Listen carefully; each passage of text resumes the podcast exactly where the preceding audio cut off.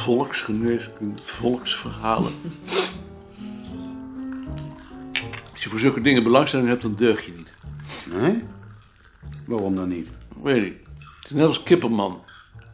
Hij analyseert niet, hij geniet ervan. Hoe mysterieuzer, hoe mooier. Het zou me niks verbazen als hij ook nog antroposoof was en zijn toevlucht nam tot kruidendokters. Dat laatste doe jij trouwens ook al. En waarom mag dat dan niet? Nou ja, hoor eens. Alles mag natuurlijk, maar in zijn geval moet ik het niet. Maar je vindt zijn scriptie toch goed? Het heeft wel hersens. Maar je zou hem niet hier op het bureau willen hebben. Nou, Jij dan wel. Ik geloof dat ik daar geen bezwaar tegen zou hebben. dan zou je toch moeten wachten tot je zelf hoofd van de afdeling bent. Ik vind het een arrogante man. Net zo een als Blazen.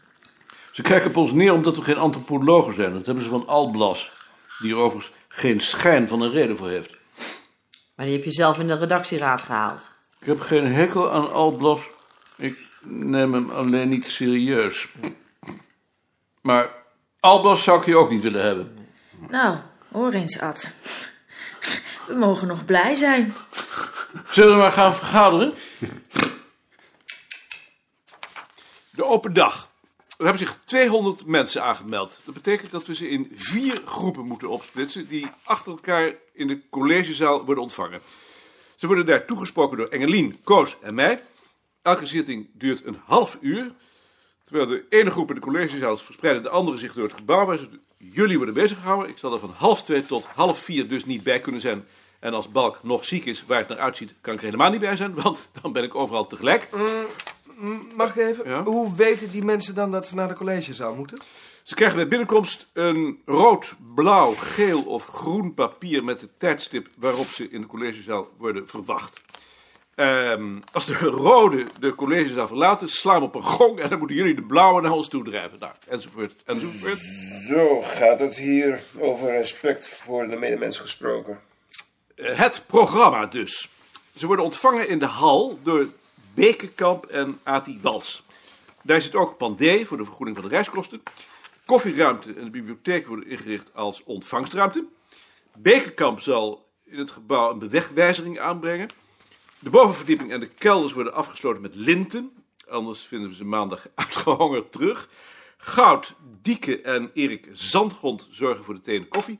Klaas Sparreboom houdt de wc's in de gaten en ruimt de glazen kopjes weer op. Bekenkamp, Ati en Pandé springen bij zodra ze in de hal niet meer nodig zijn. Hoe kom je aan al die kopjes? Eh, die zijn besteld bij een verhuurbedrijf eh, met de stoelen voor de collegezaal. Je bent niet meer nodig, Joop. Op de benedenverdieping wordt het diaprogramma van Volkstaal non-stop gedraaid. De eerste verdieping zorgt volksnamen voor een overzicht van de belangrijkste dorps- en streekliteratuur en verder hun eigen kaarten natuurlijk. Op onze verdieping maken Frits en Lien in het achterste stuk van de bezoekerskamer een tentoonstelling van het boedelbeschrijvingsonderzoek. Een paar voorbeelden van eh 17e, 18e, 19e eeuwse boedels, waar nodig met een afgetikte tekst. Wat grafieken, tabellen, een artikel van Frits. De nieuwe vragenlijst met mijn artikel in het mededelingenblad. Een kaart met de plaatsen waarvoor we al boedelbeschrijvingen hebben, enzovoort, enzovoort, enzovoort. Dan in het voorste stuk bij het bureau van Tjitske een tafel met handschriften en ego-documenten van correspondenten. In het bijzonder van de mensen die komen. Tekeningen die door hen zijn opgezonden. Eh, bij het bureau van Gert een overzicht van het verenigingsonderzoek. De carnavalskaart, de vragenlijsten. Artikelen van Gert en Carla over carnaval. Wat archiefstukken. In deze kamer bij het bureau van Ad een tafel met alles wat bij het volksverhaalonderzoek te pas komt. De uitgaven, verslagen van medewerkers, een kaart met de gebieden die bewerkt zijn. In het midden en tegen de boekenkasten de kaarten van Sien en mij bij het voedings- en broodonderzoek. En de proefkaarten van de Zicht, de Zeist, de Sikkel en de Dorsvlegel. Met foto's, tekeningen en vragenlijsten. Ehm, in de kaartsysteemkamer Joop, die het kaartsysteem demonstreert. Ja. Dan het muziekarchief. Eh, ik stel voor dat in de kamer van Jaring non-stop een band met liedjes draait, zodat de mensen daarop afkomen. Daar moet Joost voor zorgen. En daarbij een tentoonstelling van het liedonderzoek. Liedschriften, een paar aardige brieven, de grammofoonplaat natuurlijk en wat liedboekjes. Ehm, in de kamer van Eve een overzicht van het onderzoek naar de harmonieën en fanfares. En, en in die van Freek en Rie een tentoonstelling van oude liedboekjes. Zal ik niet bij Joost gaan staan en dat mijn kamer dan wordt afgesloten? Ja, ga, ga jij maar bij Joost staan. En het bulletin? Eh, de publicaties op de middentafel in deze kamer. Is dat wat? Eh, en wanneer wil je dat allemaal opbouwen? Eh, vrijdag en zaterdagochtend. Doen we. Ja, toch? Nog iemand iets? Dan hoef ik alleen nog maar Gods zegen hierover af te spreken. De eerste zijn er. Dat is vroeg. Ja, dat is vroeg. Wilt u pasteurs en rentjes ook even waarschuwen? Pastoors weet het al. Dan rentjes en zegt u tegen pasteurs dat hij het diaprogramma start. Ik zal het doen. De eerste zijn er. De eerste zijn er. Waarschuw jullie zien. De eerste zijn er. De eerste zijn er. De eerste zijn er. Start de band maar. Op de volgende kaart van Nederland en Vlaams-België ziet u de verspreiding van zes verschillende vormen voor het begrip vork. In Groningen, Friesland, Drenthe, de Kop van Overijssel, West-Friesland en op Texel vinden we naast vork ook veelvuldig het woord etensvork. In Zeeland en op de Zuid-Hollandse eilanden vinden we die uitgebreide vorm etensvork ook, maar sporadisch. In Midden-Nederland spreekt men vrijwel uitsluitend van vork.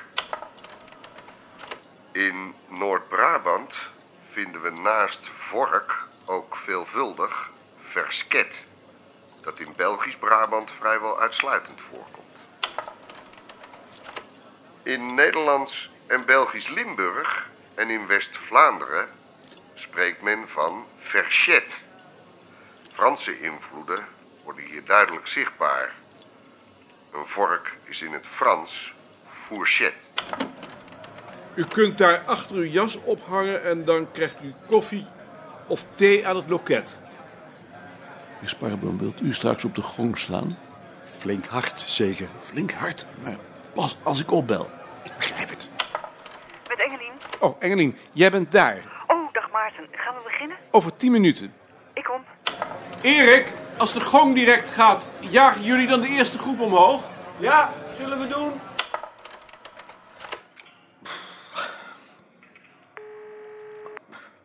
Ze zijn er al. We beginnen. Gaan we beginnen? We beginnen. Met Klaas. Meneer Sparreboom, de gong. Komt in orde. Waar praten jullie over? Over seksisme in taal. Leek me weer eens wat anders. De kleinamen. Beentjes, broertjes, stieltjes. Nou, dat soort namen. Dat is Klaas hoor. Dan zou ik ze eerst welkom heten. En nou, vervolgens Engelien, dan Koos, dan ikzelf. I- ieder dus tien minuten, niet langer. En waar praat jij over? Over onze nieuwe vragenlijst. De indeling en inrichting van hun huis en van het huis van hun ouders.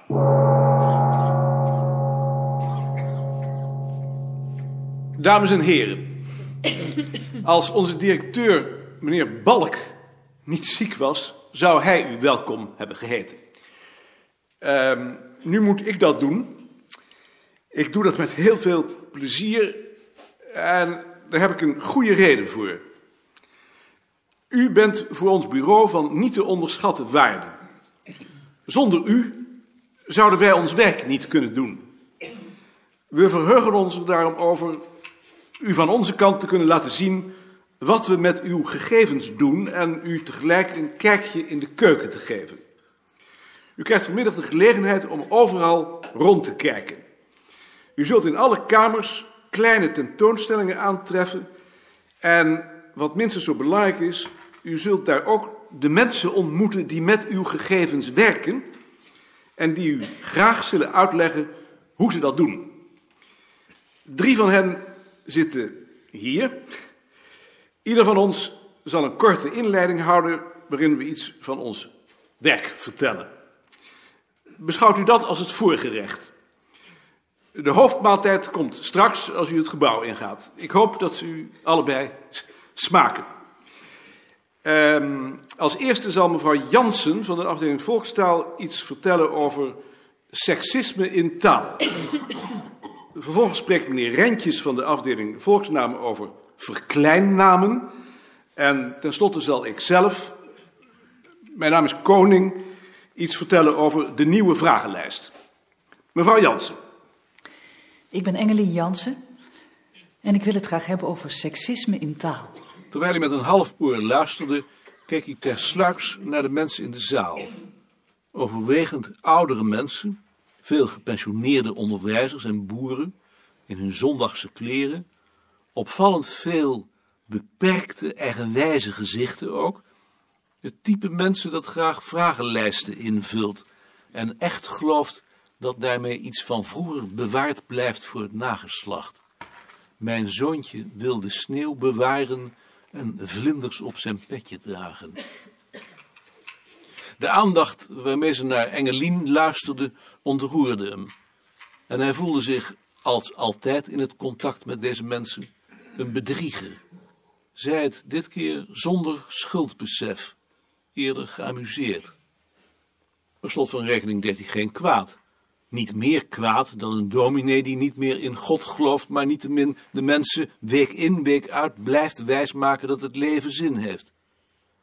Het werd pas bedenkelijk als deze mensen correspondent van het hoofdbureau op hun visitekaartje lieten drukken.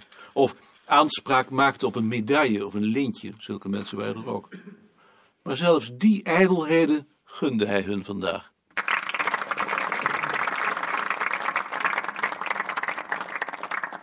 Ruim 167 jaar geleden, in het jaar 1816, een jaar na de slag bij Waterloo, trad Gerrit-Jan Evers, een landbouwer in de buurtschap Ankum bij Dalfsen, in het huwelijk met Hendrikjen Jansen.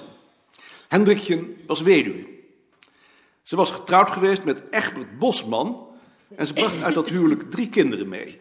Jan, Gerrit-Jan en Egbert.